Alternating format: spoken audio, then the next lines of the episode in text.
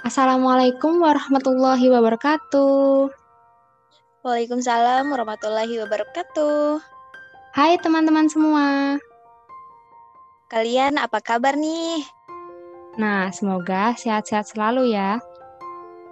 Amin ya Rob. Nah, jadi pada podcast kali ini nggak sendiri kayak sebelumnya. Ada dua pembicara di sini. Ada Vira dan Diska. Jadi, kali ini kita mau ngebahas apa nih, Riz? Iya nih Fir, bakal seru kali ya kalau berdua. Oke, jadi kali ini kita akan ngebahas tentang problematika akhlak di masa kini. Menarik banget ya untuk kita bahas. Pastinya, pas banget saat ini lagi maraknya problem-problem mengenai akhlak di masa milenial ini. Hmm, sedih banget sih rasanya. Makin banyak orang yang ngutamain nafsu daripada hati nurani. Bener banget. Oke lah, langsung aja kita bahas, Riz. Problematika akhlak di masa kini atau bahasa kerennya masa milenial. Yang namanya problem itu pasti terjadi bukan tanpa sebab. Udah pasti ada sebabnya. Ya pasti sih, di mana ada masalah pasti di belakang ada penyebabnya. Jadi, menurut kamu apa sih Fir sebab problematika akhlak di masa kini? Nah, sebab utamanya nih, sebab utama dari terjadi problematika akhlak di masa kini ialah sikap cuek atau pembiaran terhadap perilaku menyimpang, seperti halnya tidak peduli atau bodoh amat terhadap segala perilaku tidak terpuji. Nah, sekarang contohnya nih. Setahu kamu, contoh problematika akhlak di masa kini itu apa sih, Riz? Hmm, kalau disuruh nyebutin contoh pasti beragam banget ya. Yang marak sekarang aja nih seperti korupsi, kenakalan remaja, seperti narkoba, pergaulan bebas, minum-minuman keras, dan yang ngerinya lagi nih, banyak orang sekarang saling menyalahkan ajaran-ajaran dari masing-masing individunya. Astagfirullah. Astagfirullahalazim. Iya memang ya, di masa sekarang ini tuh semakin banyak problem-problem akhlak yang mungkin dulunya kita takut-takuti, dan sekarang satu persatu itu mulai terjadi. Nah, membahas berkenaan saling menyalahkan ajaran-ajaran agama. Sebenarnya, kita sebagai muslim telah diajarkan yang namanya menghargai perbedaan atau toleransi, dan tidak saling menyalahkan. Ketika ada suatu perbedaan, yang harus kita lakukan bukanlah menunjukkan rasa emosional, tetapi justru berbuat baiklah seperti yang dikatakan oleh Imam Al-Ghazali, menurut beliau, orang yang berakhlak setidaknya dapat mengendalikan empat hal yang cukup sulit dikendalikan di berbagai aspek hidup. Antara lain, seperti nafsu, amarah, pengetahuan, dan keadilan. Dengan demikian, akhlak bukanlah hanya mengatur laku kata, namun juga laku sikap. Nah, seperti halnya yang dilakukan oleh Rasulullah Shallallahu Alaihi Wasallam saat di Mekah. Setiap hendak ke Ka'bah, Nabi selalu mendapat perlakuan buruk dari seorang Yahudi. Nabi selalu diludahi. Itu dilakukan hampir setiap kali Nabi melintas. Terhadap perlakuan buruk itu, Nabi tidak membalas dengan keburukan.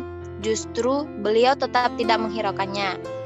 Dan hingga tiba suatu ketika nih, beliau tidak mendapati perlakuan buruk dari orang tersebut, seperti hari sebelumnya.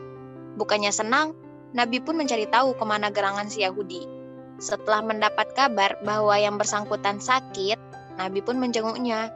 Luar biasa terkaget dia bahwa Nabi Muhammad SAW orang yang selama ini diperlakukan buruk justru menjadi orang pertama yang membesuknya. Masya Allah, tabarakallah. Dan hal itu juga terdapat dalam Quran Surah Al-Mumtahanah ayat ke-7.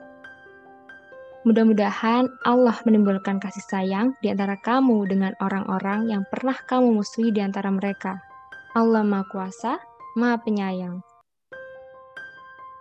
Memang bahwasanya Islam itu memberikan kebebasan beriman ataupun tidak kepada semua manusia. Muslim hanya diwajibkan untuk berdakwah, seperti yang terdapat dalam Quran Surat Al-Baqarah ayat 217.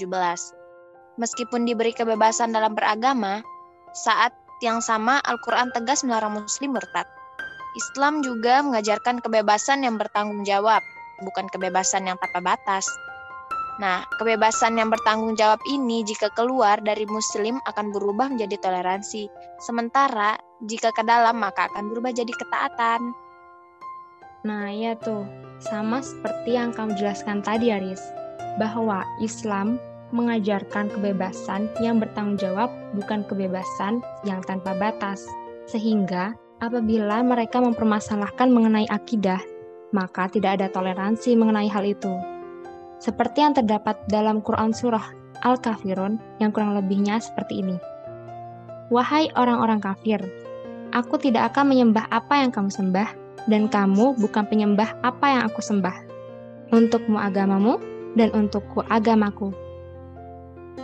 Dan sesama muslim pun tentunya kita juga harus saling berhubungan baik yang sama-sama memiliki haknya seperti yang terdapat pada hadis muslim dari Abu Hurairah radhiyallahu anhu, Rasulullah Shallallahu alaihi wasallam berkata, hak seorang muslim atas muslim lainnya ada enam. Pertama, jika engkau bertemu dengannya, maka ucapkan salam. Dan kedua, jika dia mengundangmu, maka datanglah. Ketiga, jika dia minta nasihat kepadamu, berilah nasihat. Keempat, jika dia bersin dan mengucapkan hamdalah, maka balaslah dengan doa, Yarhamukallah. Yang kelima, jika dia sakit, maka kunjungilah. Dan yang terakhir nih, jika dia meninggal, maka antarkanlah jenazahnya ke kuburan. Hadis riwayat Muslim. Nah, itu dia.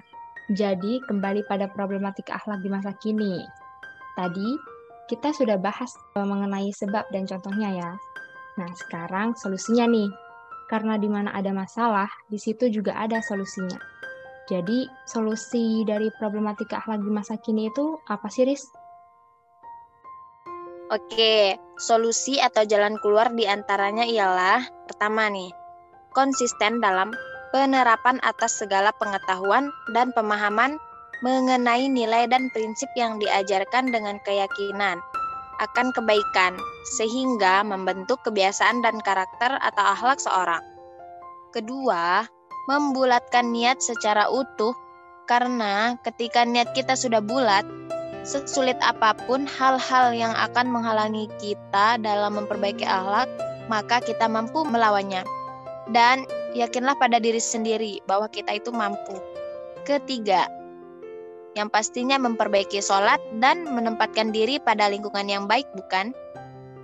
Nah, bener banget tuh.